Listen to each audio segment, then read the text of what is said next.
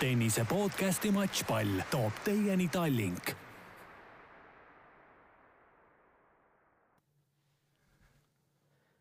tere kõigile tennisesõpradele siit Ekspress Meedia, täpsemalt siis Delfi ja Eesti Päevalehe podcasti stuudiost. matšpalli saade on jõudnud teise osani ja suur au ja suur heameel on tervitada meie stuudios kuidas me siin nüüd tituleerime, Eesti tennise korüfee, Eesti tennise teerajaja, ma lugesin täna. Toomas Leius, tervist. tervist, väga meeldiv, tänan kutsumast.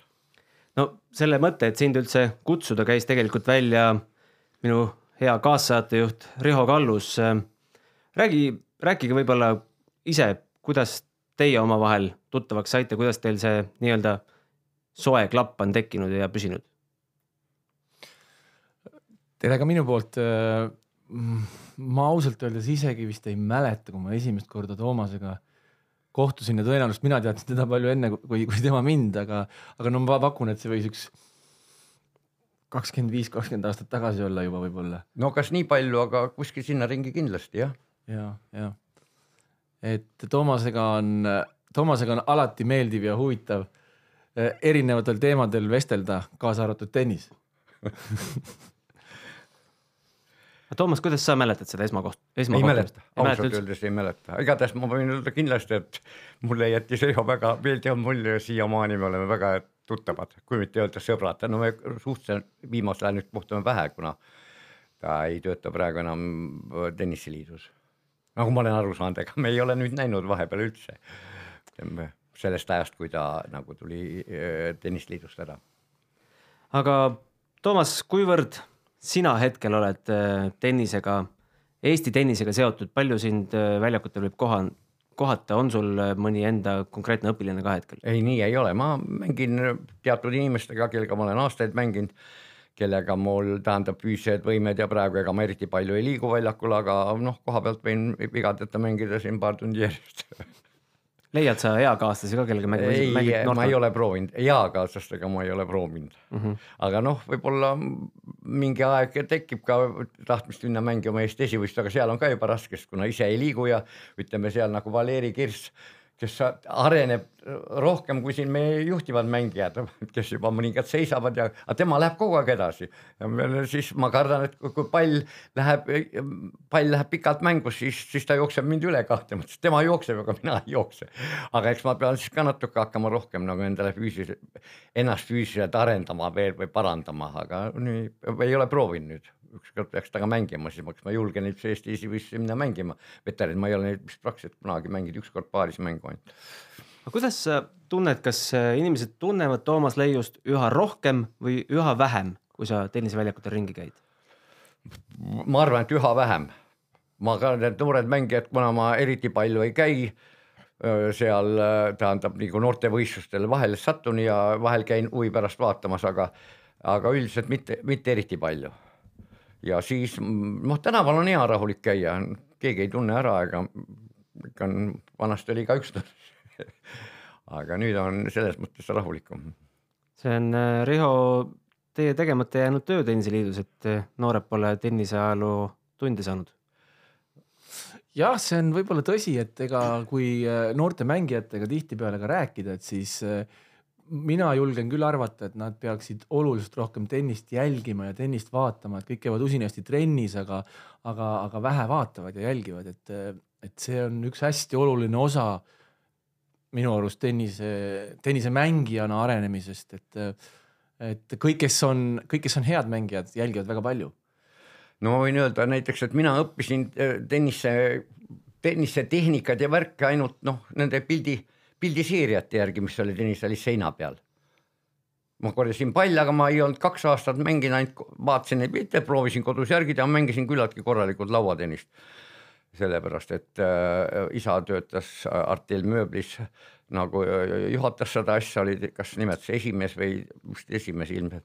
ja nad valmistasid äh, lauatennise laudu ja terve Eesti koondus käis seal harjutamas ja samas töötas seal ka Helgi Pesur, kes oli siin Nõukogude Liidu meister paaris mängus siin Lestaliga ja, ja, ja e, ütleme seal üheksa aastat, juba kaheksa aastat, üheksa, mängisin sageli isegi Kaia Kanepi vanaisaga olen vist ühe korraga mänginud, mänginud isegi, kellega ma ei mänginud, ei õnnestunud, oli Albert Franz, eks ole, kes viiekümne viienda aasta tuli liidu absoluutseks tšempioniks ja, ja mängis oma selle Schwammiga, suure Schwamm reketiga mm. ja, ja, ja noh, ma tulin ka linnameistriks viiekümne neljandal aastal, kui mul juba Evald Kree, mu treener ütles, et ei, et parem, kui sa ei mängi seda, et lauatennist, et ja pool aastat ma ei olnud mänginud, läksin kõrval noortepargis, olid just Tallinna esivõistlused ja, ja ma ei olnud pool aastat lauatennisraketit kätte võtnud, läksin, mängisin muidugi esimest mängust läksin kohe esimese asetusega kokku, sain kaks setti alla kümmet ja seal oli kahe miinuse süsteem. Õhtul hakkasin mängima siis, kui põhiring oli ära mängitud, siis hakkasid miinusringi mängima, ma jõudsin seal finaali juba õhtul võitsin. mäletan, Jaan Märtsot veel võitsin ja siis oli vaja teine mäng veel võita, see oli mul kummalgi oli nüüd üks kaotus. ja, ja järgmine päev võitsin kahekümne, kakskümmend neliteist olin taga finaals, kolmandas setis ja siis võitsin selle ka kuidas Mati Hensoniga võitsime veel paarismänguga ära, see nagu nii et. Äh, tennise vaatamisest rääkisime, sa Riho tõid selle teema siia hästi sisse, et äh, meie siin Rihoga eelmised, eelmine nädal läinud nädal, kus Anett jõudis finaali, olime hommikust õhtuni silmad krõllis, ootasime Aneti mängu ja kindlasti paljud kuulajad samamoodi. palju sina jõudsid Stuttgardi turniiri vaadata, jälgida? no praktiliselt kõik mm, -hmm. praktiliselt kõik, mis puudutab ja, ja veel mõningaid huvitavaid momente ka veel teistest mängudest.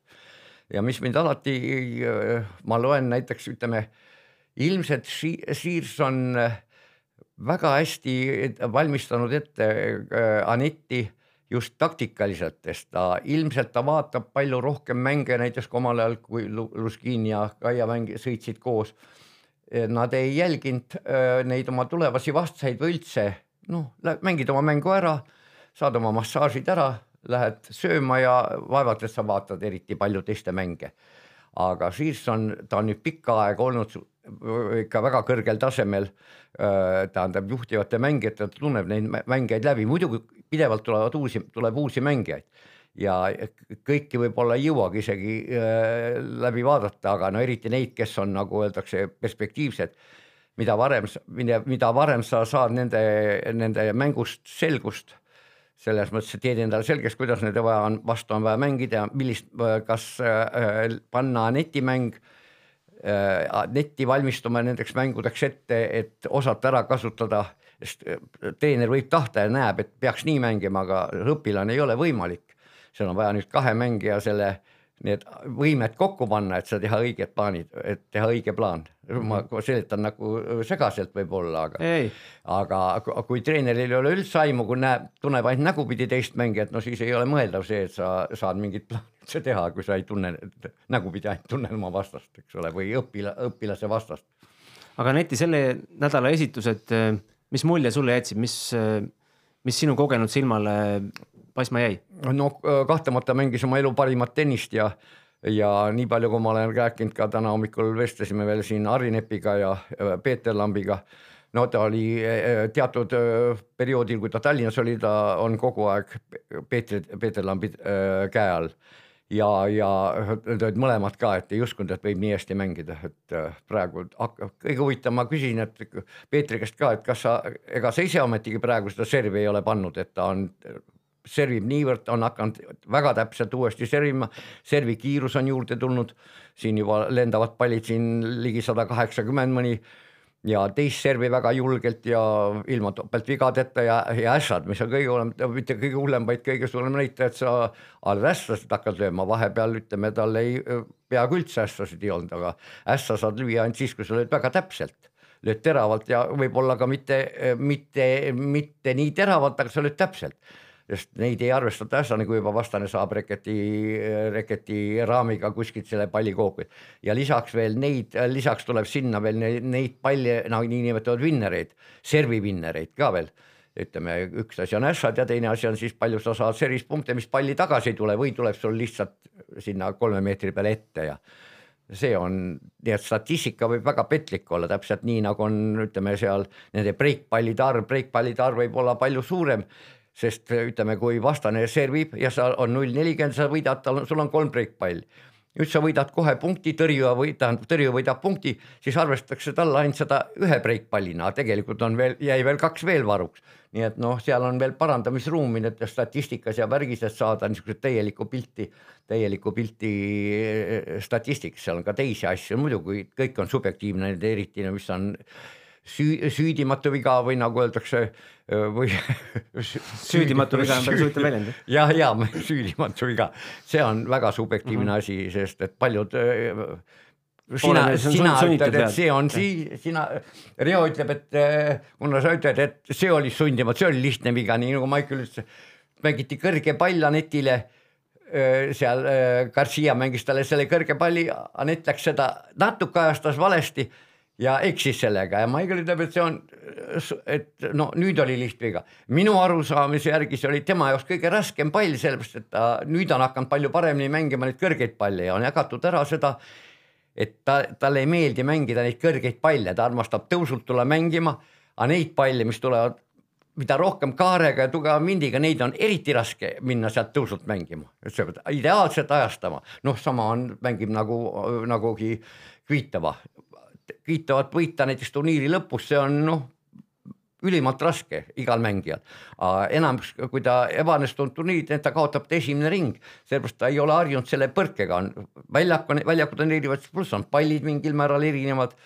Kas erineva kargkattega või tuge- ja võib-olla gramm siia, gramm sinna raskemad ja, ja ja erineva rõhu all ja, ja viitavataolise mängija löök, kes armastab väga-väga igat palli lüüa on tal väga raske, samuti on Anetil ka raske, aga kui ta saab oma hoo üles, siis, siis nagu näitab praegu, et siis ta võib mängida, nüüd mängis ka ikka kuus ja pool setti, noh, ütleme kolm, kolm korda kaks setti pluss siis veel, veel pool setti, eks ole, seal. aga mis sa arvad, kui Anett oleks kahest oma sett-pallist teises setis ühe ära kasutanud, milline mäng kolmandas oleks? no siis oleks tulnud kolmas sett kõigepealt, aga ma arvan, et seal oleks juba olnud äh, esiteks, et Kvitova eelmine päev ikkagi Äh, Anett oli vaba, tähendab puhas äh, mm, -hmm. aga Kvitova pidi mängima kolmes setis ja, ja Kvitova on siiski üksjagu aastaid vanem. ja äh, kolmandas setis noh, oleks võinud kõik juhtuda, sest teise seti võitjal on ikka mingil määral psühholoogiline, psühholoogiline eelis selle vaatamata, et noh, kõigepealt äh, tuli see breik, eks ole, teises setis kohe esimeses game'is. aga nüüd on, nüüd on, äh, see ei olnud esimest, äh, ütleme ega teist ega ka ei, tõenäoliselt ei ole viimast, kui ta kaotab kasseti ja kaotab oma breik taha, breik jääb breigiga taha, siis ta kuidagi noh, nagu avaneb või hakkab vabamalt mängima ja ja mängib oma võib-olla kõige paremat tennist, mis on vastupidi ja teisel mängijal nagu enamikul läheb ära see tuju, kaotad teisele juba breik, breigiga oled taga. ta ei või enam, enamus loobuvad, noh no, piltlikult oli nagu Pavlušenko, muidugi tal oli ka veel mingisugune tervisehäda, et teine sett oli kaks-kaks, kaotas veel kolm-kaks ja siis kolm viimast geimi olid viis minutit ja ta praktiliselt ühtki palli ei püüdnud joosta ega midagi, noh, ma ütlen sellepärast kuus pool setti, eks ole, seal. noh, Miami's Tšehhiga üks-neli taga. ja, ja, ja. tuli välja, et noh see näitab äh, nagu siin keegi juba on tabavalt öelnud, tippmängija tunnust. kelle vastu sa ütlesid? Tšehhi vastu äh, Miami, kas ta oli liikmesring, see oli veerandfinaal äkki? ei, kaheksandikfinaal ja ei muidugi, sest Anett ja no praegu oli ka, eks ole, praktiliselt ja, oli ju Azarenka servis, Azarenka servis ju matšiks, eks ole. ja tuli sealt ka välja ja mängis väga-väga head tennist, muidugi oli õnne ükskord veel sellest nagu öeldakse, netpool, netpalli lõi noh võrgust tripsuga. noh, peab olema õnne, aga välja ta tuli ja, ja pärast seda hakkas seal õlaga probleemid Azarenkal ja nii see läks, ega ta Kas... oleks ta loobunud, siis ta ei oleks seal tulnud sellest välja, mentaalselt oleks loobunud tahtsin küsida, kui palju sina oled läbi aegade Anetti kõrvalt juhendanud, talle näpunäiteid jaga, jaganud? Noh, mingi periood tähendab, oli, kui ta Peetril oli siin Peeter Lambi all, siis nii üksjagu, aga ma olen jälginud tema, käinud tema trennides ka juba, kui ta ennem oli suhteliselt pikka aega Andrei Luskini all. Ülega me oleme ka kogu aeg olnud nagu viima-, viimane aeg, viimane aeg enam nüüd mitte aga, aga ütleme siin kuskil kuni ütleme pool, viimased poolteist aastat võib-olla vähem aga ennem pidevalt helistasime ja käisime vaatamas trenne ja mingi periood ma, ta proovisin ta servi parandada, ta haaras väga kiiresti, sai, ta praktiliselt teeb sedasama servi, mida ma talle õpetasin, selle esimest servi.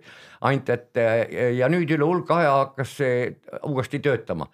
just vahepeal kadus see ära, tal enam kas täpsust, aga ilmselt seal äh, ilmselt äh, mingil määral see ülesvise ülesvise muutus ja enam sa ei suuda, kui sa viskad valesti, seal on mõned nüansid, sealt hakkavad kohe kaduma, nii nagu Kaial on kadunud esimene serv ja ta ei löögi enam seda servil, servib siin sada kuuskümmend, maksimum sada kuuskümmend kolm, sada kuuskümmend viis kilomeetrit tunnis, olles võimeline lüüa siin kakssada pidevalt.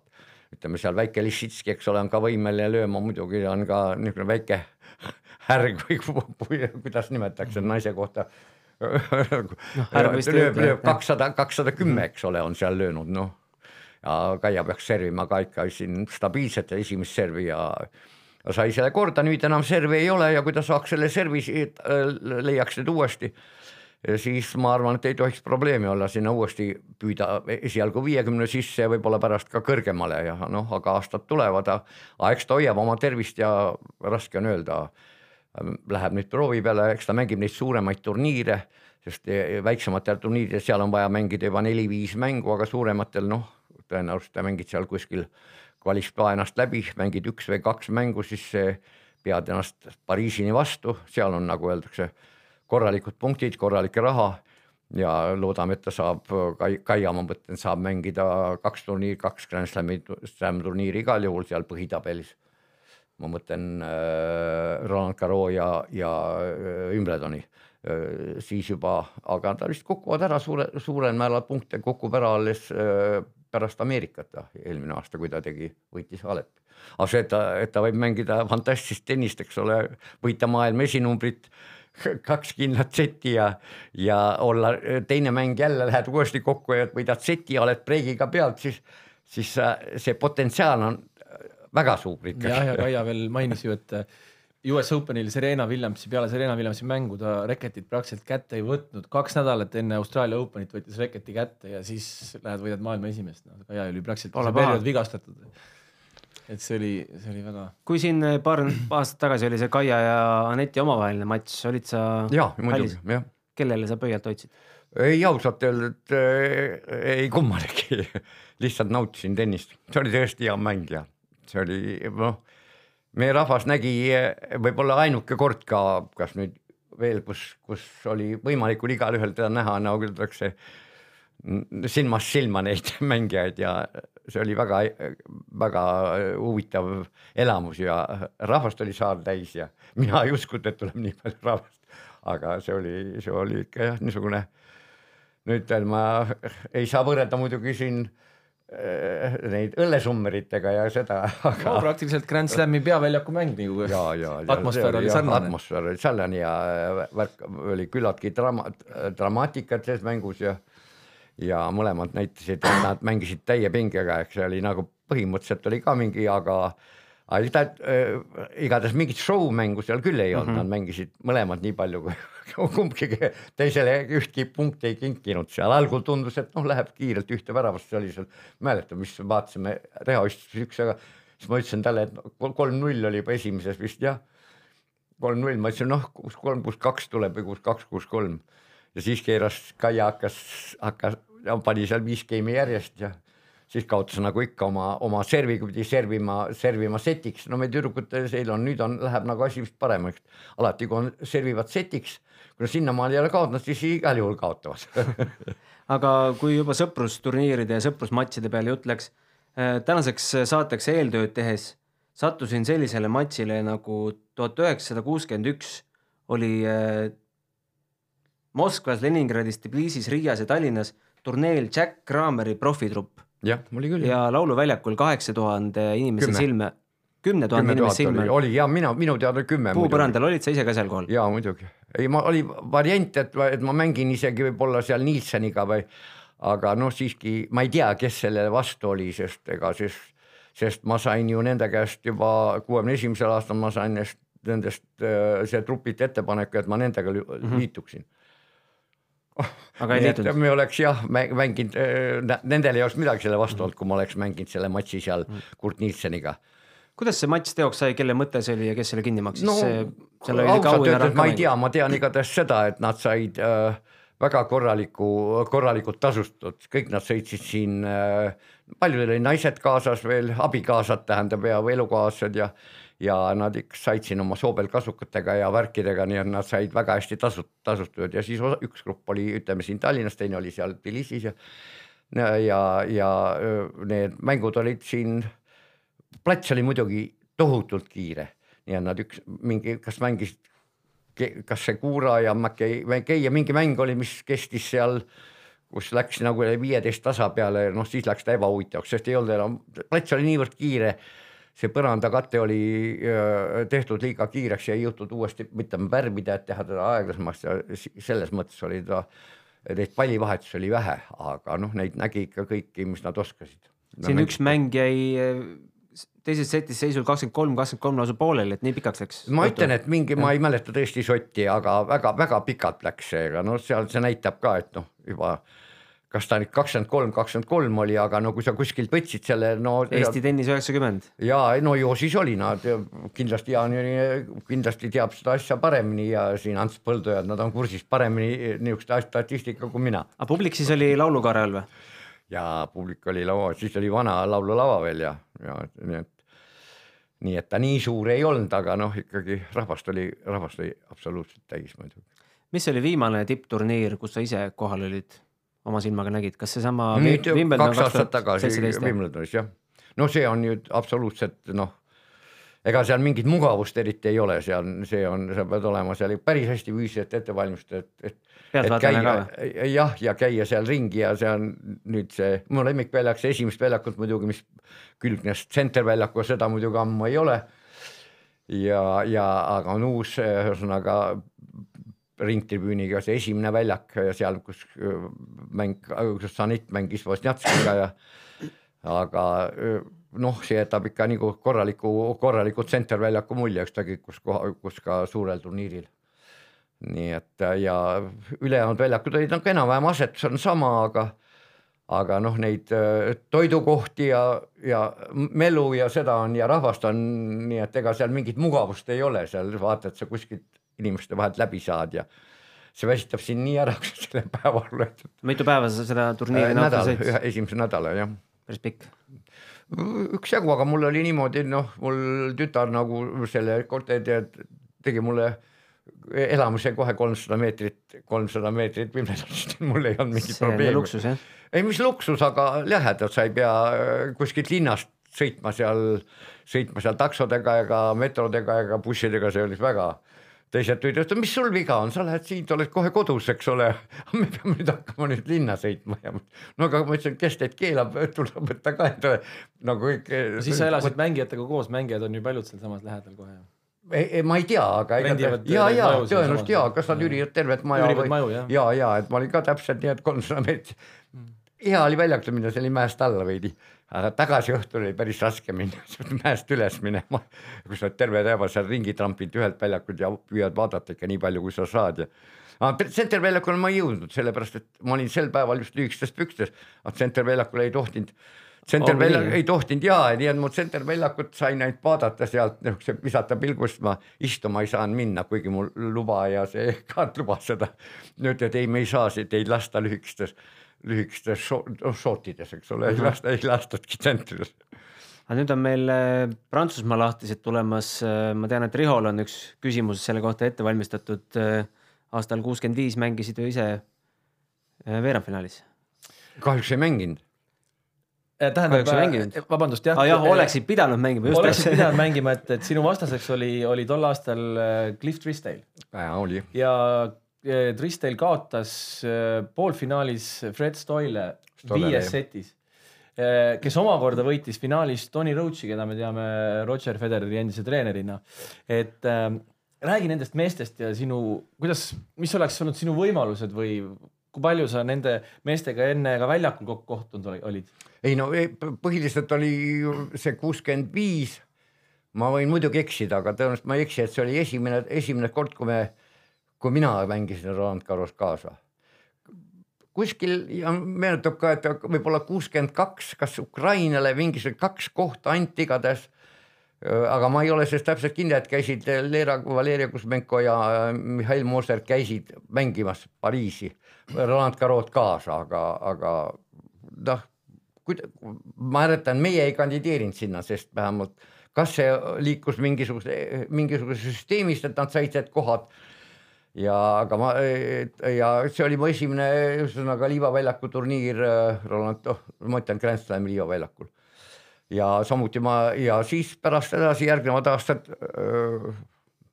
järgmine, järgmine aasta juba ma ütleme kuuskümmend viis ma sain disklapi pärast, pärast, nii et ma siis Pariisi ei, ei jõudnudki järgmine aasta, siis kuuskümmend seitse ja edasi kuni. kuidas sa võimalusi, võimalusi hindad seal veerandfinaalis? raske on öelda. raske on öelda. raske on öelda, no ma ei oska öelda ka, kuidas ma mängisin, et ma ise ei näinud ju enda mänge, eks ole. noh, ma mäletan ainult, et seda, et ma, see oli nii koomiline, see on veel BBC, mis filmiti ja ka kõik teadsid, et ma ei et kui Cliff Dyson võidab, et me ei, ei mängi, tohi mängida. kas see oli see, kus sul ajakirjanikud ukse taga vastas olid riietusruumis või see oli? ei, see oli järgmine, see oli äh, järgmine aasta. kas sa tuled välja või ei tule? jaa, sest mis ma mängisin Macmillani, mind õnnistas neid äh, kogu aeg olid mul Lõuna-, äh, Lõuna-Aafriklased seal. no ja Cliff, siis oligi niimoodi, et ka võitsin kaks setti ära kõrvalväljakul või kaks väljakut edasi mängis äh,, Cliff Dyson mängis, mängis äh, oma matši ja nii nagu tema oleks, kui ta võidab, et siis ma niikuinii kaotan. nii ma siis kaks seti võitsin ja siis hakkasin, kolmanda kaotasin ära, neljandas mängime viiendat, oma servi ma võidan, no mul ei olnud küsimust, kas lüüa see rabak pool meetrit, meeter out'i või meeter sisse, eks ole, noh.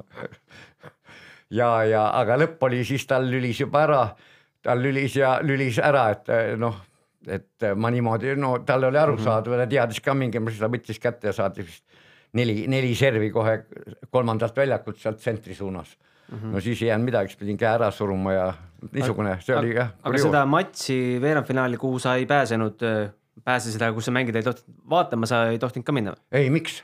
käisid ikka vaatamas? ega ma ei olnud nagu punast kaarti ei saanud ja. ju, ma lihtsalt esmas-, see oli matš oli vist laupäev ja esmaspäev, esmaspäev oli see veerandfinaal noh, ja ma koksin nagu ühesõnaga läbi äh,, läbi Käterätik oma jala sellist, et kui arst tuli hotelli, siis ta ütles, jah, ma saan kõigest aru, aga äh, rääkige mulle, kuidas te selle jala endal niisuguseks teete, kuidas te selle jalaga tõesti ei saa, ei saa, ei saa mängima minna ah,. lihtsalt, äh, lihtsalt loobumisest poleks nagu piisanud? Äh, jaa, et siis oleks pidanud olema mingi põhjus, sul peab olema ja, ja. mul muud varianti enam ei olnud. ennast vigastama. jah okay.. nii et vot niimoodi oli see loo ja kõige hullem järgmine aasta oli esimene ring Wimbledonis olin ma Macmillaniga, ta oli eurospordi kommentaator, ma ei tea, kas võib-olla siiamaani, siis me nägime temaga viimast korda kaksteist aastat tagasi Monte Carlos, kui ma käisin mm, -hmm. olin nädal aega seal.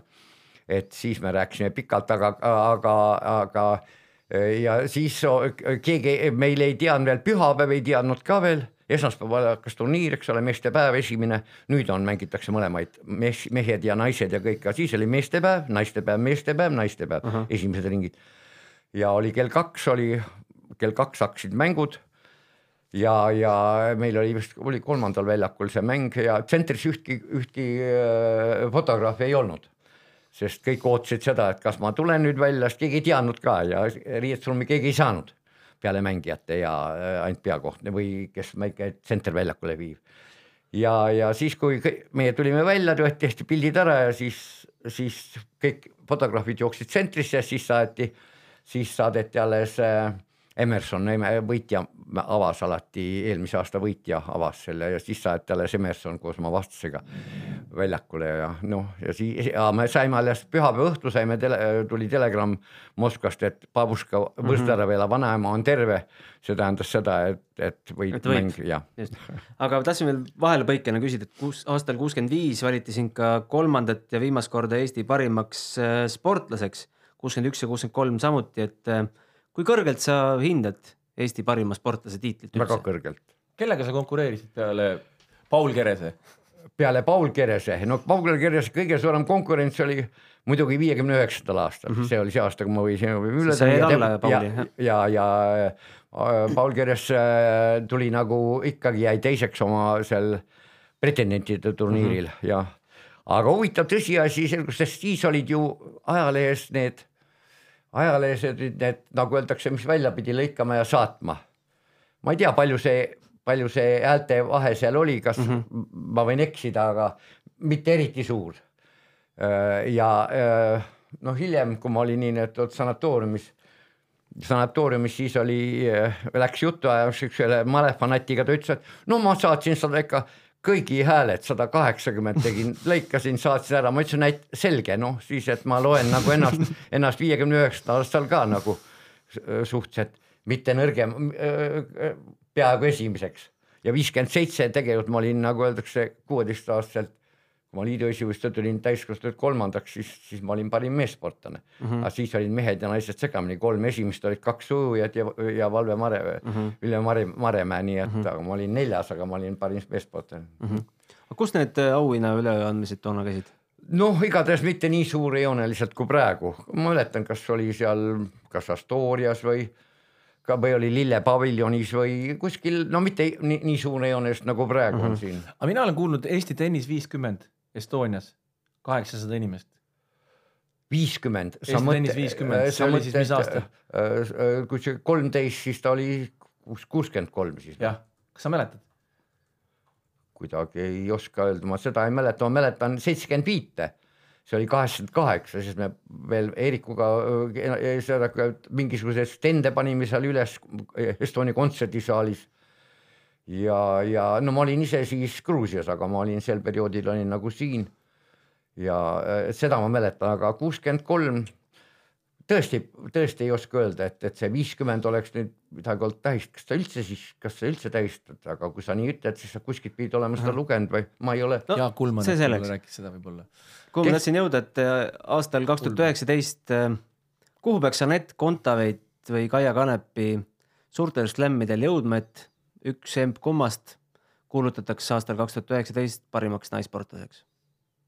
raske on öelda, kui olen teised, no tõenäoliselt ei aita siin, ei aita siin ka see kümne hulga jõudmine muidugi sellepärast, et noh, nagu eelmise aasta, eelmise aasta valima valimisel näitas, et kui üks, üks öö, mul ei ole midagi, ta on väga kena naine ja väga sümpaatne ja meie Eesti parim naissportlane mm. -hmm. aga kui sa oled seltskonnas, kes teisi huvitab medal ja sind huvitab neljas koht ja keegi te, kedagi teist, kedagi teist sellest seltskonnast ei huvita see neljas koht ja sõidad, sõidad ja saad oma neljanda koha ära ja, ja praktiliselt ülejäänud tal ju midagi ei olnud. kõige sümp-, ta on tõesti sümpaatne mul ei midagi, aga no ja siis sa pannakse, valitakse Eesti parimus, no see on juba. see ületab, ületab mm -hmm. juba igasugused niisugused noh, arusaamised spordist. ma küsisin sellesama küsimuse endal ka toimetuse seas meeste käest, et kes meil hetkel siis favoriit on ja mis sa arvad, kes on hetkel favoriit aasta naissportlase tiitlile? no võib arvata, kes on. noor, noor, noor tüdruk. kahtlemata. Kelly Sildaru. ja no ongi ja tõenäoliselt ükskõik, kui ta, kui ka Anett jõuab, ütleme seal kümne hulka ma siiski kaldun arvama, et jah, et Sildaru saab ikka, leitakse seal, et kui seal kolm, viis, viis, viis, viis tüdrukut hüppavad seal ja teevad, teevad oma hüpped, need on, see on raske ala mm, -hmm. ohtlik mm -hmm. ala, nagu elu on näidanud mm. -hmm. et, et ta valitakse ikkagi sellepärast, et mm -hmm. no, on. see kõik on nii subjektiivne yeah.. see on see kõik nii subjektiivne yeah.. Riho ütles mulle seda saadet ette valmistades, et, et sa vaatad hästi palju sporti, sa oled kogu Eesti spordiga kursis. maailmaspordiga. ja maailmaspordiga samuti, kas freestyle suusatamine on ala, mida sa jälgid? nii palju kui võimalik siiski Aha. neid, kui, kui eriti kui Kelly stardib Aha. ja noh, see on elamus, see on elamus, aga noh, seda pinget, pinget kui niisugust ei ole, sest esiteks sa ei tea neid teisi niivõrd hästi. kord nad võistlevad, kord nad ei võistle noh, aga see osavõtjate arv on juba esialgu, aga no vahel, kui need nagu öeldakse, asiaadid võtavad selle asja ikkagi käsile, siis, siis läheb seal päris raskeks. aga jagad sa seda ala tehniliste peensusteni? no kahtlemata mitte mm. -hmm. ma näen, mis nad teevad, aga see on nii, kui enamik inimesi eh, ütleb, et noh, tennisemäng, see on nii lihtne ju, aga selgub, et seesama üht ja sama servi on pool maailma ei suuda seda teha ja kui -hmm. sul viskekätt ei ole, siis ei, siis ei aita sul midagi, sa võid ka ükskõik tehnilisest, ega, ega sa ikka ei, kui sul viskekätt ei ole, ütleme nagu Margitil ei olnud isal viskekätt, ta tegi kümnevõistlust, ta ei suutnud, suutis viiskümmend meetrit mm -hmm. täis visata, oli parimal päeval, eks ole. ütleme siin Hämelainel oli siin kümnevõistlejaga ta üle viiekümne, väga harva, kui vistas, see oli hea päev, kui teised kümnevõistlejad viskavad juba siin, eks ole, üle seitsmekümne ja mõnigi läheneb seal kaheksakümnele, eks ole juba, siis, siis ei ole midagi teha, nagu venelased ütlevad, täpne eesti keele tõlge oleks see, et kui sa oled sündinud Rooma ajaks, siis lennata on raske mm -hmm. või ei ole võime, ei ole võimalik lennata. Aga veel spordialadest, äh, millel sa viimasel ajal väga palju ma ja väga palju ma vahepeal tundsin, olin ma väga hästi kursis ja vaatasin kõikvõimalikud, no see võttis juba terveid öid siin golfi. mm, -hmm. aga viimasel ajal mul ei ole seda programmi sees ja muidu läheb nagu liiga paljuks, kui sa neid alasid, praegu on siin oled kõigiga kursis selle korbiga. kas sa Argentiina rallit vaatasid? Argentiina rallist äh, ei vaadanud. kas sa rallit jälgid? Äh, ma olen kogu aeg kursis kõigi katsetega, mis on, aga ma ei vaata teda peale selle, peale selle, mis Eesti Televisioonist näit tuleb see otse see punktikatse. no rallit ongi väga keeruline vaadata. ei keerulist ei ole seal tegelikult ju midagi, kui sa. ostad selle asja endale jah. jah, et ja kui sa, aga kui sul on muud vaadata, siis vaatad muud, sellepärast et noh, ei jõua ju oodata ära, kui, kui nüüd, kui nad kõik ära sõidavad, ütleme seal need äh, isegi need ütleme praktiliselt on kümme sõitjat, kes, kes oskavad sõita või ja nendest tuleb, tuleb maailmameister mm, -hmm. aga noh olla nende seas, olla nende seas, nagu öeldakse, kiirem, nii nagu Tänak on. aga nagu elu näitab, et tal, kas, kas ta on nüüd, kas ta jääb igaveseks kolmandaks, nagu Keres oli males. igaveseks nii kisub sinnapoole praegu, sest aastad tulevad, aga, aga see, et ta sõidab ikkagi, on ta maailma kiirem, see on juba ka. aga teised on lihtsalt, on neil õnne rohkem ja, ja kuskilt ülevalt poolt tehnikasport. tehnikasport. ja tehnikasport ka, et seal ei, ei, ei sõltu sinust, isegi vahel võib-olla kaardilugeja ütleb mingisuguse valesti või kuuled valesti ja, ja sõidad kraavi nagu mm -hmm. praegu aga maailma tennisele kaasaelamiseks, olgem ausad, Eestis televisiooni vahendusel nüüd ülearu võimalusi ei ole. kuidas sa rahvusvahelisi matše jälgid, oled sa ninapidi arvutis? mitte alati, aga kahtlemata, kui sul on see tv, hea oli jälgida, kui ma olin Dubais siin talviti siis oli, mul oli see äh, tv tennis ja siis said vaadata neid väga palju, kõik, kõik, mis sealkandis lihtsalt vajutad, võtad, vaatad selle, seda väljakut sealt linnast, neile turniiride. aga no kui sa hakkad neid vaatama, siis see, siis sul praktiliselt magamisaega üldse ei jää, sest sageli on need öös, öösel noh, ajavahed siiapoole või sinnapoole ja, ja kui sa siis veel äh, mingil määral äh, noh, võib-olla ütleme siin mõned aastad tagasi mängisime rohkem, ütleme seal vahel kolm tundi, isegi neli tundi päevas, siis praegu ma üldiselt olen püüdnud üle pooleteist tunni ei ole, aga ma pean iga päev liikuma. no ega sa siis enne magama ei läheks, kui kõik mängud oleks vaadatud, eks ju. ei nojah, ja kisub selle poole või vahepeal paned silma kinni, ärkad üles ja vaatad jälle uuesti aga kui sina Anett Kaia USA-s on mänginud, paned äratuskella kella neljaks ja, ja mis ikka näitab seda ikka, neid ikka vaatad mm. -hmm. Toomas, kui korra, korra tohiks veel minna tagasi äh, üks kuuskümmend aastat mm,. ainult. tuhat üheksasada kuuskümmend üheksa Aucklandi turniiri veerandfinaal. sa lähed kaks-üks settidega ette ja kaotad otsustavas seitse-viis. sinu vastane sellel aastal võidab kõik, sellel samal aastal võidab kõik neli Grand Slami turniiri ja on siiamaani ainukene meesmängija, kes on suutnud teha seda oma karjääri jooksul kaks korda. tuhat üheksasada kuuskümmend kaks ja kuuskümmend üheksa kuuekümne üheksandal aastal oli see veel eriti magus, sest alates kuuekümne kaheksandast aastast hakati lubama proffe Grand Slamidele ehk siis oli see open area ajastu hakkas. Äh, räägi sellest mängust mõne sõnaga, mida sa mäletad äh, Rod Laveriga matšist? noh, mitte, mitte eriti palju ausalt öeldes, eks me mängisime, teine kohtumine, esimest korda me mängisime kuuekümne esimesel aastal, kui me nagu ma ütlen, oli avamatš, ma läksin esimene ring Leiveriga kokku, esimeses setis ma purisin ja purisin kuni nelja-neljani ja siis ta läks oma teed. siis ta avastas seda, avastas seda, kuhu, kustkohast tõrjuda, ma serisin ta väljast, väljakust välja küll, siis ta hakkas, avastas, et ta lasi, lasi läbi koridori kõrge palli mulle taga vollena, laskis ta tagasi. Ja, ja, ja pärast ei olnud enam mul variante, sealt ma kõrget, seda kõrget tagakätt sealt ei suutnud seda ära mängida, ta oli niivõrd kiire, et ta tuli platsi, jõudis platsi peale tagasi, mul oli oma serviga juba võrdlemisi raske kuigi tema tennise IQ ei olnud eriti kõrge, aga sellest matšist vist nii palju. noh, ta, need olid ikka, kes olid Hoppani käe all Austraaliast kuni kuuskümmend üheksa. pärast seda, kui Hoppan läks Austraaliast Ameerikasse elama ja ega sealt on tulnud üksikud, ütleme seal Rafter, Hüüit mingil määral, Philip Bussis, aga nii nagu Hoppani aeg tuli, siin iga aasta tulid uued, ta noh nagu öeldakse meil, kuidas on teha, nende arvelt, järgmiste arvelt tulevad järgmised edasi, kogu aeg tuli nagu paari kaupa tuli, iga aasta tuli jälle kogu aeg neid järjest nad eh, kakskümmend aastat ju valitsesid, eks ole, maailma.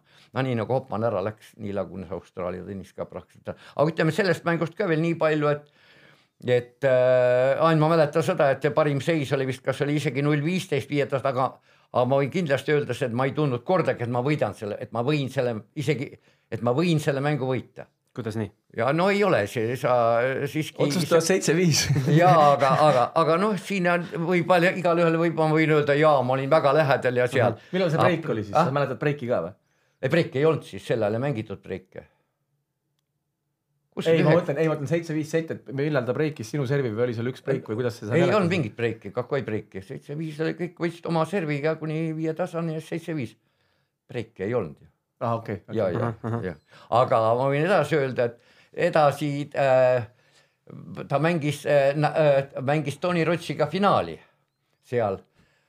Ja äh,, ja ma mäletan, et noh, see oli pühapäev oli see finaal ja see laupäeva õhtu me, me mängisime, me olime veel Mel Andersoniga mängisin koos, see on mu elus parim partner olnud, kes me olime finaalis äh,, finaalis mängisime veel Roger Taylori ja äh, Mooriga ka lõunaga mängisime ja Mel Anderson oli esi, üks esimesi, kes hakkas mängima metallreketit. me võitsime esimese seti ja siis, siis lõi ta oma mõlemad, kas kaks või kolm metallreketit kõik puruks ja siis pidi puureketiga mängima ja me kaotasime selle matši. ja see oli päris korralik kaotus, sest see kaotus maksis meile kummalegi tuhat dollarit, aga sel ajal oli see suur raha no see, ma ütlen, siis hakkasid alles need esimesed kuuskümmend kaheksa, kuuskümmend üks, me hakkasime seda ajama seda, et kaua, kaua need turniiri organisaatorid korjavad seda raha, aga mängijad ei saanud ju midagi.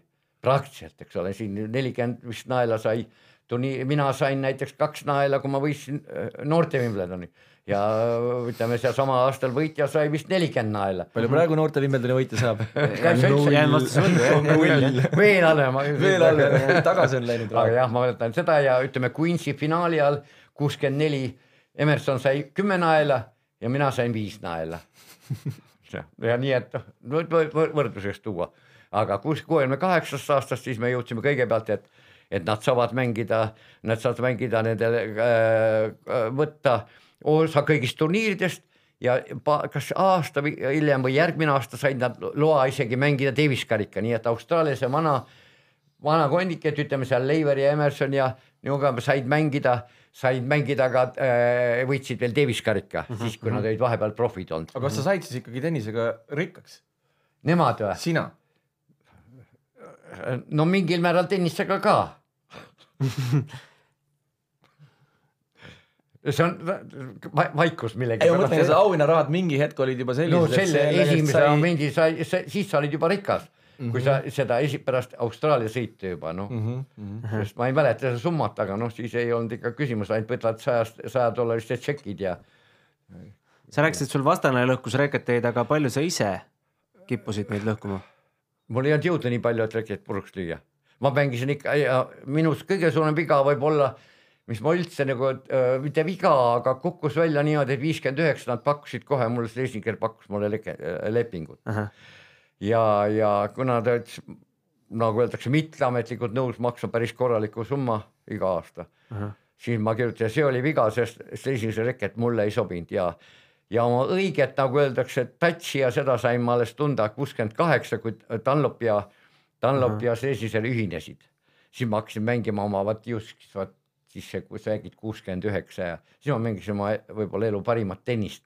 Ja siis ma mängisin tõesti nendega praktiliselt võrdselt, seda enam, et ma sain ju, kui ma läksin Ristemale külla, see Austraalia sõit oli ju täiesti eraviisiline sõit. Ja siis ma treenisin selle nende hulludega seal, kui Hopman ütles ainult, need olid jooksnud seal kaks ühe vastu põhilised trennid. Ja jooksnud seal teinud oma trenni ära, siis ütles noh, six miles, kuus miili, ma läksin nendega kaasa ma ei, olen talvejooksja. aga no kui sa iga päev jooksed, ma vaatasin, et jah, kui ma nüüd iga päev nendega hakkan siin kümme kilomeetrit jooksma, siis, siis ma, siis ma -hmm. varsti enam ei käi ka mitte ei jookse. siis ma tegin nende. Riho, sul on paberil veel üks küsimus tegelikult, äh, mis ei ole võib-olla päris lahti räägitud, kuidas sinust kümneaastaselt üldse tennisepisik sinus üldse kasvas, kuidas sa sattusid tennise vastu seina toksima nagu siin. sattusid veel varem tennise juurde? jaa, ei ma korjasin hoolega palle seal paar aastat, ma mäletan isegi nelikümmend üheksa vist Klõšeikod, Ivanovad ja ja muidugi otomaalaarsed ja korjasin palle, aga huvitav, mul ei tekkinud kunagi mõtet ise mängida. ma ilmselt mul oli, ma mängisin, kõik mängisin jalgpalli, eks ole, isegi seal kaheksa-üheksa aastaselt juba, kümme aastat. ma mängisin jalgpalli, korvpalli, võrkpalli ja mul ei noh, nagu ei tõmmanud mind, et ma lähen mängima. aga, aga, aga ma läksin siis lihtsalt, kuna teine keskkool oli Kalevi kool, Kalevi šefluskool, reaalkool mm. -hmm. aga kahekümne esimene Koogoli kool või Raua kool oli Dünamo šeflus, siis Kree käis valimas äh, Rauas, aga vastas naaber, naaberpoiss, tema käis, oli juba trennis käinud seal mõned kuud, ta sügisel võttis neid, käis, valis välja. ja siis ma läksin temaga lihtsalt kaasa ja Kree oli, oli ukse peal, vaatasin, siis küsis poja, kas tahad ka proovida? ma ütlesin, noh, võib küll jah. ja siis ma lõin, lõin talle vastu, ta lõi mulle ees ka alla, taga ka alla. kas õhust oskad? ma mängisin õhust, ma ei olnud kordagi väljakul mänginud, mitte kordagi. kui vana sa olid siis? kümme aastat, neli kuud. Jah. jah, see oli detsember Mhm. mm. -hmm. sa olid siis äh, nii kaua vastu seina ainult jah, kõike õppinud mm -hmm. niimoodi ja siis äh, Servia ka ja kõik olen ise teinud mm. -hmm. Nii ja siis ta kirjutas õhtul päevikusse, noh, täna ma kohtasin poissi, ta pidas oma päevikut inimest mm, -hmm. kes tal võttis ja alati tegi märk, kirjutas, et kui sellest poisist ei tule suurt mängijat, ma ei tea üldse, kellest tuleb. noh, ja meie elud pärast seda olid nagu Riho, miks see päevik juba Seotud. tenniseliidu kapi taga ei ole? vot ei tea, kus Toomas. ja me saime seda lugeda sellest, aga Toomas, räägi võib-olla nendele, nendele noortele tennisemängijatele ja lapsevanematele, kes täna tennisega tahavad tõsiselt tegeleda, et, et, et missugused olid sinu võimalused tol ajal väljakule pääseda, missugune oli varustus, kuidas, mitu nädalat sa trenni üldse teha said? noh, oli, ma mäletan isegi näiteks äh, juba ikka päris, juba olin mänginud seal mitmed aastad, mängisin ikka päris korralikult, ütleme, ütleme seal kuskil võib-olla viieteistaastased, kuueteistaastased ma juba mängisin, eks ole, liidu ühe suvega, kevadel äh, mängisin, ütleme, olin Tallinnas siin. Aga ma mõtlen kümneaastaselt, kui sa alustasid. ei no äh, kümme aastat, ma ei oska öelda tõesti palju mängisin, päevikut ei pidanud pidama. et no selle aja kohta ma ei ole sul andmeid, aga, aga ma tean isegi hiljem, sest Kadrioru hallis oli ainuke üks väljak, tähendab terve talv ja seal olid peale ujumise, vetthüpete ja veepalli olid ju kõik alad olid suurvõistlused ju Kadrioru hallis. aga kui palju sa talvel siis üldse no oli, oli kas, kus said nädalas? mängida viisteist tundi nädalas, see oli Ahah, viisteist tundi kuus viis tundi kuus ja talvel. see oli ikka hea. sest no mina olen kuulnud neid lugusid, kuidas sa lund, lund rookisid ja vastu seina toksisid õues. ei, ei seal me enam sel ajal me Sel enam enam oli mängisime, me mängisime vahetevahel äh, väljas jah, mängisime väljas, spetsiaalsed niisugused kindad olid. Ja neljandal väljakul lükkasime, see oli niisugune kõige mõnusam mängida, lükkasime väljaku puhtaks ja mängisime. aga, aga saal oli väga sageli, no ütleme, on maadlusmatte, seal ei korjata ära, eks ole, sul on kaks matti või kesk, on kesksaali on poksiring, eks ole, siis olid seal need korvpalli kaheksaline turniirid, kahe võrkpallis, eks ole, siin ja suuremad matšid olid ja, ja lauatennist ja kõike, mida ma ütlen, peale ujumise, veepalli ja, ja vetthüpet olid ju aga kas siis olid ka mingid grupitreeningud või kuidas olid no individuaaltreeningud? ikka gruppide taga ma kasutasin üksjagu, kasutasin äh, muidugi öist aega Mm. et õhtul lõppesid seal trennid ära kuskil seal, seal kuskil üheteist aeg. Pärast seda siis sa võisid mängida kasvõi hommikuni, jah. aga kui me nüüd hüppame jälle kuuskümmend aastat äh, tagasi tänapäeva, sa käid äh, päris palju väljakutel ringi ja näed päris palju ei näe, noortennisiste. ma ütlen kahjuks ei näe, näe? peaks nagu käima ja, ja aga noh, Ütle- siis satud, satud nagu segama neile ja rääkima ja siis võib-olla, kui sa näed teda ühe korra ja ütled midagi valesti ja, ja treener on rääkinud hoopis midagi muud, sa püüad sellest noh, et ei tekiks. Mängija lah-, Leius ütles niimoodi ja minu treener ütles niimoodi ja sellepärast sa püüad niisugused, niisugused sel teemal niisugust tehnika ja ütleme seal ütleme võib-olla jah, seal mängu arutelu ja kuskil arutada, aga mitte ei lähe seal tehnika, tehnika elementide kallale, seal võib tekitada lapsel, võid nendest teha, isegi vanematega, sest vanemad on kõige targemad, see on ammu, ammu, ammu teada. aga mu küsimus oli see, et kui sa käid seal ringi, kas sa oled kohanud järgmist Toomas Leiust? no seal on väga andekaid poisse olnud ja väga-väga kihvte poisse on olnud. ma vaatan ka siin, kui ma käin vahel mängimas kell kaheksa, käin hommikul mängimas, on iga kord on, aga see, need on välismaalane, sest ma pärast olen istunud ja rääkinud, ta on välismaalane, tal on kaks poega. iga kord nad, mina lähen kaheksaks, see on kell umbes kolmveerand kaheksa väljak ja isa lööb poistele ette seal saab palli. noh, see mis, mis näitab, maalt nad on siis? ma ei tea, ma arvan, et nad, raske on nende, ma ei ole aru saanud, aga nad inglise keeles igatahes räägivad. poisid on kui vanad siis umbes? ma arvan, et kuskil jah, vanem on ikka üheksa ja teine on veel, mõlemad mm -hmm. on nagu huvitav niisugust lokk, heleda peaga ju siis naine on blondiin mm -hmm. või igatahes elavad ilmselt siis siin, eks ole, ja mm, -hmm. ja noh, rääkimata seal on neid väikseid poisse, Riho teab neid palju, seal on kindlasti väga häid lapsi ja on väga häid tüdrukuid praegu siin ja aga noh, nagu näha siin kõik olid meil ka mängisid väga korralikud siin juba, aga noh, üks, üks vigastus saab, ühe vigastus saab teise, teist vigastatud taga, kukuvad ära siin kolm ja neli andekat tüdrukut aastaks ajaks, pooleteiseks aastaks, see on Mhm, kurb. mm -hmm.. aga no muidugi see trampimine ka selle kõva platsi peal. Mm, -hmm. isegi harjutatakse vollet ja seda võiks ju või seal servi ja värki harjutada. Seda võiks ju teha ju vaiba peal, eks ole, mitte kui sul on valida, kas sa lähed sinna, sa võid teatud harjutusi teha, eks ole ju vaiba peal, aga hüpata seal võrgus, eks ole, ja ja, ja tampida ja siis on see, see löömine, palli löömine, taotakse teineteisele keskele kätte, ei, ei pöörata sellele tähelepanu, et ta pall oleks pikk või värk, et oma kassi lööb seal kahekümnest löögist üheksateist on viimase kahe meetri sees. piltlikult. Ega ta muud ei osanudki Mhm. praktiliselt, serv oli nagunii võrgus, ta ei osanud mängida, paaris mängus ta ei no teadnud tõrjuda kus see- oskas ka ikka. ei, aga ei noh, tõrjuda ma räägin eeskätt tagakätt mm, Mhm, -hmm. ta, tõrje saimas ka, see läks ette, sageli oli niimoodi, et kordus on siis, Agassi on pööranud ennast juba siiapoole, pall lendab teise poole, ta pööras ennast varem ära, enne lööki aimas sinnapoole ja siis kui pall tuli, siis ta küttis selle tõrje. ja nii et äh, kuhu ma tahtsin jõuda, on see, et äh, Eesti tennis on äh, praktiliselt pildis ainult tänu, eelkõige tänu Kaiale Anetile ja meeste tennis natukene tänu Jürgenile ja Voovale, et äh, näed sa, et no siiski seis, Raismaaga Ja- siiski võita Wimbledoni Just, kasvõi just, paaris mängus see et äh, miks see meeste tennis on meil ikkagi natukene nagu naistele tahaplaanil? seal on raskem, seal on raskem läbi lüüa. naiste tennis on lihtsam, sul on võimalik, sul on võimalik mängida pidevalt endast, endast paremate mängijatega või võtta meespartnereid, eks ole, tähendab, ma mõtlen poistega mängid, nad on ju tugevamad mängijad, seal on kergem ette mängijat valmistada.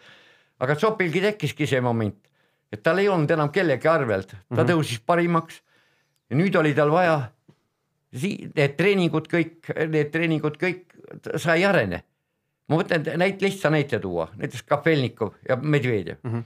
kõigepealt oli Medvedjev oli, tegi ühe, ühe Samprase ettevalmistuskuuri kaasa, nii nagu praegu ütleme, teeb selle, ütleme, Federer teeb seal talvel, mängib, teeb oma selle ettevalmistusperioodi, seal on füüsiline treeningud kõrg, tegi selle kaasa, natuke läks aega mööda, hakkas mängima turniire, aasta lõpus võitis, tegi juba sama aasta lõpus oli juba Medvedev võitis, võitis oma esimese miljoni turniiri mm. -hmm. ta oli alles kaheksateist saanud täis. Kafelnikov ei viitsinud seal Moskvas olla, tal meeldis kala püüda, läks jälle Sotši, kadus jälle Moskvast ära, läks kala püüdja ja siis, kui Medvedjevil tekkis ühe aastaga Ferrari, Lamborghini, Rolls-Royce või ma ei tea, neli autot. Kafelnik läks, vaatas, käis seal selle vaatas neid pilte ja ütles, no Polssi nii puudu rõõbula võita, rohkem ei, rohkem ei püüa kala. tegi täpselt samasuguse kuuajalise selle Samprase, Samprase treening ja täp-, aasta pärast oli ta ka täpselt sealsamas. Aga kas sa no tahad öelda, tähendab maailma kümne hulgas ja. kas sa tahad öelda siis seda, et tegelikult ikkagi poistel on vaja Eestist välja saada varem? nojah, aga mis sa seal välja, kui sa lähed ja mängid omasugustega, see. No parematega. ja, ja no parematega, ma ütlen, kui isegi Zopp suudaks, saaks nüüd kuskile mingisuguse heasse, heale sparringpartneriski kasvõi, ta harjub selle tempoga, see tempo on teine. See palli pikkus on teine, see servi täpsus on teine ja sa harjud sellega ära, siis sa tuled mängijast nõrgemalt ja see on sul, sul on ajavaru tekib kogu aeg. sa saad selle kõigega hakkama, saad aru mõttest? aga kui sa siin on sul, siin oled sa kogu aeg, servitakse sulle niimoodi, et servitakse sul nii, et kolmest servist tuleb üks sisse ja see on ka veel ei tea kus kohas, eks ole ma ei ütle, servivad hästi seal Klinka ja, ja Raismaa ja nad servivad hästi. Aga noh, sa oled harjunud selle, nende vasakukäelistega selle tõrjuma. Ja ikka sa enne liigutuse järgi, ta viskab palli üles, taimab selle ära mingil määral. Ja nad ei taha mängida näiteks seda, ütleme kolm-null, et Zopp oleks mängi-, mängiks ütleme Selvanovi vastu, et Ivanov juhib igat seti kolme, kolm-null, üks breik Mm -hmm. Nad ei taha seda mängida, nad tahavad mängida normaalsest seisust, mis seal toimub? Zopp võidab oma servid enamuses kas nelikümmend, neljakümne nulliga, neljakümne vist äärmisel juhul tahab seal kaks punkti, kui ta mängib täie jõuga mm. -hmm. varem või hiljem ta, tal ei tekigi seda kaotamise momenti ja nüüd ja kui sa oled harjunud seda või, mängima niimoodi, siis ja võistlusel sul tekib pidevalt, hakkadki sa nii hea tõrju, sul on pidevalt vaja olla sellest niisuguses tagaaja rollis oma servi, kas sa oled null kolmkümmend taga või oled sa viisteist kolmkümmend taga või viisteist nelikümmend taga ja sa, sa ei tule enam nendest välja, sa ei oska neist välja tulla, sest sul ei ole seda isegi treeningul ja pluss veel tõrjuja on ka võib-olla veel klass parem, tõrjuvad veel paremini kui ütleme, Ivanov, Ivanov tõrjub väga hästi, aga ikka. Ja nad ei leiavad näiteks kuuskümmend, me hakkasime mängima Davis karikat kuuskümmend kaks. Kuuskümmend kolm ja kuuskümmend kaks mängisime esimest mängu, võitsime, mängisime kontrollmängu Belgias, ma võitsin veel kahte Euroopa, Belgiast oli kaks Euroopa esimese kümne mängijat, ma võitsin neid ja võitsime paari ka veel ja ainuke kontrollmäng, mis mängime, siis mängisime esimese ringi mängisime Hollandis ja siis mängisime kohe Itaalias, Firenzes. ja, ja siis mul oli selge, et, et ma üksinda ei suuda midagi, ma ei, üksinda ma ei võida seda Davis karikat või tähendab Davis karikat, matši ei võida mm, -hmm. sellepärast et meil on vaja teist ja siis ma hakkasin vaatama, vaatasin, et võtame, võtan Aaliku, valm-, hakkan teda tegema, ta oli mhm. kuuekümne teisel aastal ta oli, äh, mängis finaalis veel äh, Sir Stanley Matthews, ise kuulsa jalgpallisele pojale, kaotas sellel finaalis. siis me terve, terve edasise perioodi kuni Ameerika laht- äh,, US Openi tegime trenni niimoodi ja mängisime siin kuskil, kuskil kolmkümmend viis setti umbes mm. -hmm. mängisime nii, et pidevalt kolmkümmend, et ma olin, tema oli kolm, kolm-null ees igast setis ja sügi-, Ameerika õustajad jõudis jõudis kuueteist hulkas jah. aga millist tule... nii kiire, nii kiiresti, täpselt samusugune kiire. aga millist tulevikku sa ennustad Kennet Raismaale hetkel? raske on öelda, tal, tal on tervisega pidevalt probleemid mm, -hmm. kord üks kord, teine kord noh, siin noh, sõjaväe sai nüüd läbi, vähemalt seda ei, see läks nüüd õnneks, et ei, kuulijat ei sattunud jah. aga kas sa näed, et see võib olla ka mingi treeningprotsessi viga või see lihtsalt on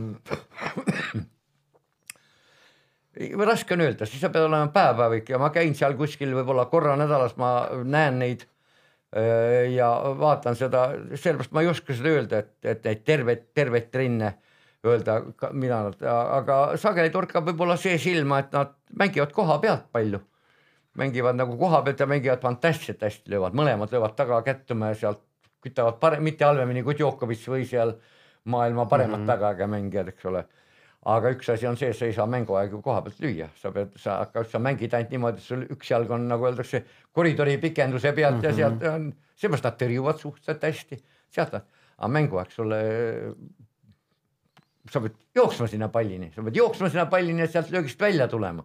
no selleks on vaja teha kõike nagu liikumise pealt, aga no mugavam on alati isegi, kui sa istud taga, eks ole, ja siis on, näed ju kohe, et nad hakkavad paremini seda asja tegema, aga millegipärast nad, ma ei tea, palju nad teevad seda, aga no mingil määral teevad, aga mulle, minule isiklikult tähendab niisugune mulje. kui suure karuteene Kennetile see uus edetabelisüsteem võis mängida? ma ei oska öelda, ma ei tunne seda täpselt mm -hmm. ja täpselt seda, seda meeste edetabeli ja seda süsteemi mm. -hmm. jah, et ATP ma... edetabelisse on nüüd äh, vist kümneid kordi raskem pääseda kui, kui no kahekümne viiese turniiri äh, finalist. midagi on seal jah, aga selle ma selle kursi, ma ütlen ausalt, ma ei tea seda, ma ei tea, see naistel ka midagi täpselt samamoodi kuidagi seal jah, et nad mingid mäng, mängijad on seal äh, WTA äh, edetabelis ja siis on ülejäänud purivad seal väiksematel turniiridel jah mm. -hmm. aga muidugi seal on nendega see, äh, selle süsteemiga on väga võimalik väga kõrgele tõusta, kui sa mängid kui sa mängid seal neid, ütleme seal kasvõi viiekümne või seitsmekümne tuhande turniire, mängid neid ja võidad, sa saad, sa saad selle turniiriga rohkem, kui sa kahe ringi Wimbledoni või Grand Slam turniiri võiduga saad, noh mm -hmm. absurdsus, eks mm -hmm.. No. aga kui hakata nüüd juttu siin vaikselt kokku tõmbama, sa ütlesid, sa jälgid hästi palju Eesti sporti ja maailmasporti. muidu ka tõenäoliselt sa jälgisid ka Eesti suusatamise doping, dopinguskandaali, mis nüüd viimastel no, kuudel tahes-tahtmata ikka, ikka, ikka satud selle peale või, aga mida jälgida, ega ma ei näinud seda, mis, nad tegid. mis su kogu arvamus selle pulli kohta on? ma loobun kommenteerimast, mul, mul on täiesti oma, oma arvamust ja see paljudele ei meeldiks. kui ma ausalt hakkaks kõike rääkima. sest ma tean sellest asjast rohkem kui need meie omad kõik kokku, ma arvan. jah, sellest ma hoian oma suu kinni mõistlik. aga kunagi, kunagi võib sel teemal rääkida. paneme selle mikrofonid kinni ja siis räägime omavahel. aga tegelikult on, hakkab tiksuma tund aega täis, et suur-suur äh, au oli, Toomas, äh, sind äh, siin stuudios näha. ma loodan, et me saame sinu asjatundlikke kommentaare, kui nüüd siin Grand Slamid hakkavad tulema ja meil saateid hakkab tihedamini olema siin, kui on põhjust, et Kaia või Anett jõuab kaugemale, siis me, ma loodan väga, et me saame sinu kommentaare ja ja arvamusi veel kasutada. ma loodan ka. aga täname kõiki, kes meid kuulasid. soovitame minna ise tennist mängima. kui varem pole mänginud, siis Toomas, kuidas kõige parem oleks pihta alustada? parem on mitte alustada. miks? kui sa jääd nagu tennisehaigiks, siis on päris raske elada, et kui, kui sa pead, läheb sul päris kulukaks see asi ja, ja, ja sest mäng, esiteks sa saad kellegagi minna koos mängima isegi. See on ilus lõpp saatele. paarismängu isegi mängima, sind ei võeta, sest sul läheb aega ja see õppimine läheb küllaltki kalliks. pluss äh, kui sa lähed fanatiks, siis sul tekivad kodus seisud, et sa, et sa ei- perekonnaga ei ole koos ja lastega ei mängi ja mängid tennist ja on ju rea. Ärge alustage tennisemängu. see on jah, nagu väga paljud on selles ja on ja on kaotanud äh, tänu tennisele seal oma. kas me võime no, punkti panna saate neid on. selle väitega, et sa kahetsed, et sa hakkasid tennisemängiks? ei, ei üldiselt ei, ma, aga oli periood, kus mul oli valida. aga ma vaatasin, et kus on kõige, kõige lihtsam läbi lüüa, kus on individuaalne, sa kellestki ei sõltu, siis ma valisin tennist. Selles mõttes, aga no ma ei mänginud ka halvasti jalgpalli, aga vaatasin, seal on kõige ohtlikum, aga praegu pannakse, mis on jutu järgi, praegu võtab ju ära, röövib ära Eesti spordilt enamik ala jalgpall. ma ei tea, palju praegu on, aga mingi aeg oli seal kuskil mingisugune sümboolne summa oli, kõik andsid oma lapse sinna kuu aega, laps käib oma trennides, mis temaga sealt tehakse või füüsiliselt nad saavad kindlasti hea, kui nendega ikka joosta ja värk ja paljud lapsed on niimoodi, nad üksinda ei viitsigi noista, mina olin niisugune, kes võis seal tundide, tundide kaupa seina lüüa, aga harilik lapsed, teda ei huvita isegi, ta ei, ta ei suuda ta ei suuda seda vastu seina mängida, sest tal on see igav. aga seal sa jooksed järgi, kui sa palli puutuda ei saa, joosta ikka saad. ühe käes on pall ja teist peod ta käest ära võtta siis. no nii kui meie jalgpallis on, meil ei ole ühtki, üks ühe vastu ei ole täpselt nii nagu terves, miks on sakslased kõik, kui sa vaatad, ega nad ei suuda üks ühe vastu kellestki mööda minna. üks ühe vastu ei ole saksa, sakslast, kes suudaks kellestki mööda minna. jalgpallis ei olegi vaja mööda minna. ongi, seal ongi, aga noortetrenn ongi seal nii, sööda, saad palli, söödad, pidurdad, tähendab, pidurdad, surmad ja söödad edasi. ja nii nad õpetatakse seal, ma olin kõrval olid jalgpalliväljakud ja näed seda trenni ja kõik ühtemoodi. Ja nii nad, nii nad mängivad, ega nüüd seal individuaalselt, kui sa läksid seal ja ära veel ka- kaotasid, öeldes kuhu sa, kuhu sa tõmbad, sööda pall ära. selle nimi on totaalne jalgpall, paremat pole leiutatud. ei, nad siis ei mänginud sakslased, pole kunagi mängidki mingit to totaalset jalgpalli, totaalset jalgpalli, need No. mängisid hollandlased. Cruyff, eks ole, mängis No totaalselt ja sama, nüüd mängib ajaks ja nüüd mängib ajaks ja Liverpool Just. Just. mängivad seda, seda jalgpalli, ma tahtsin öelda tennist.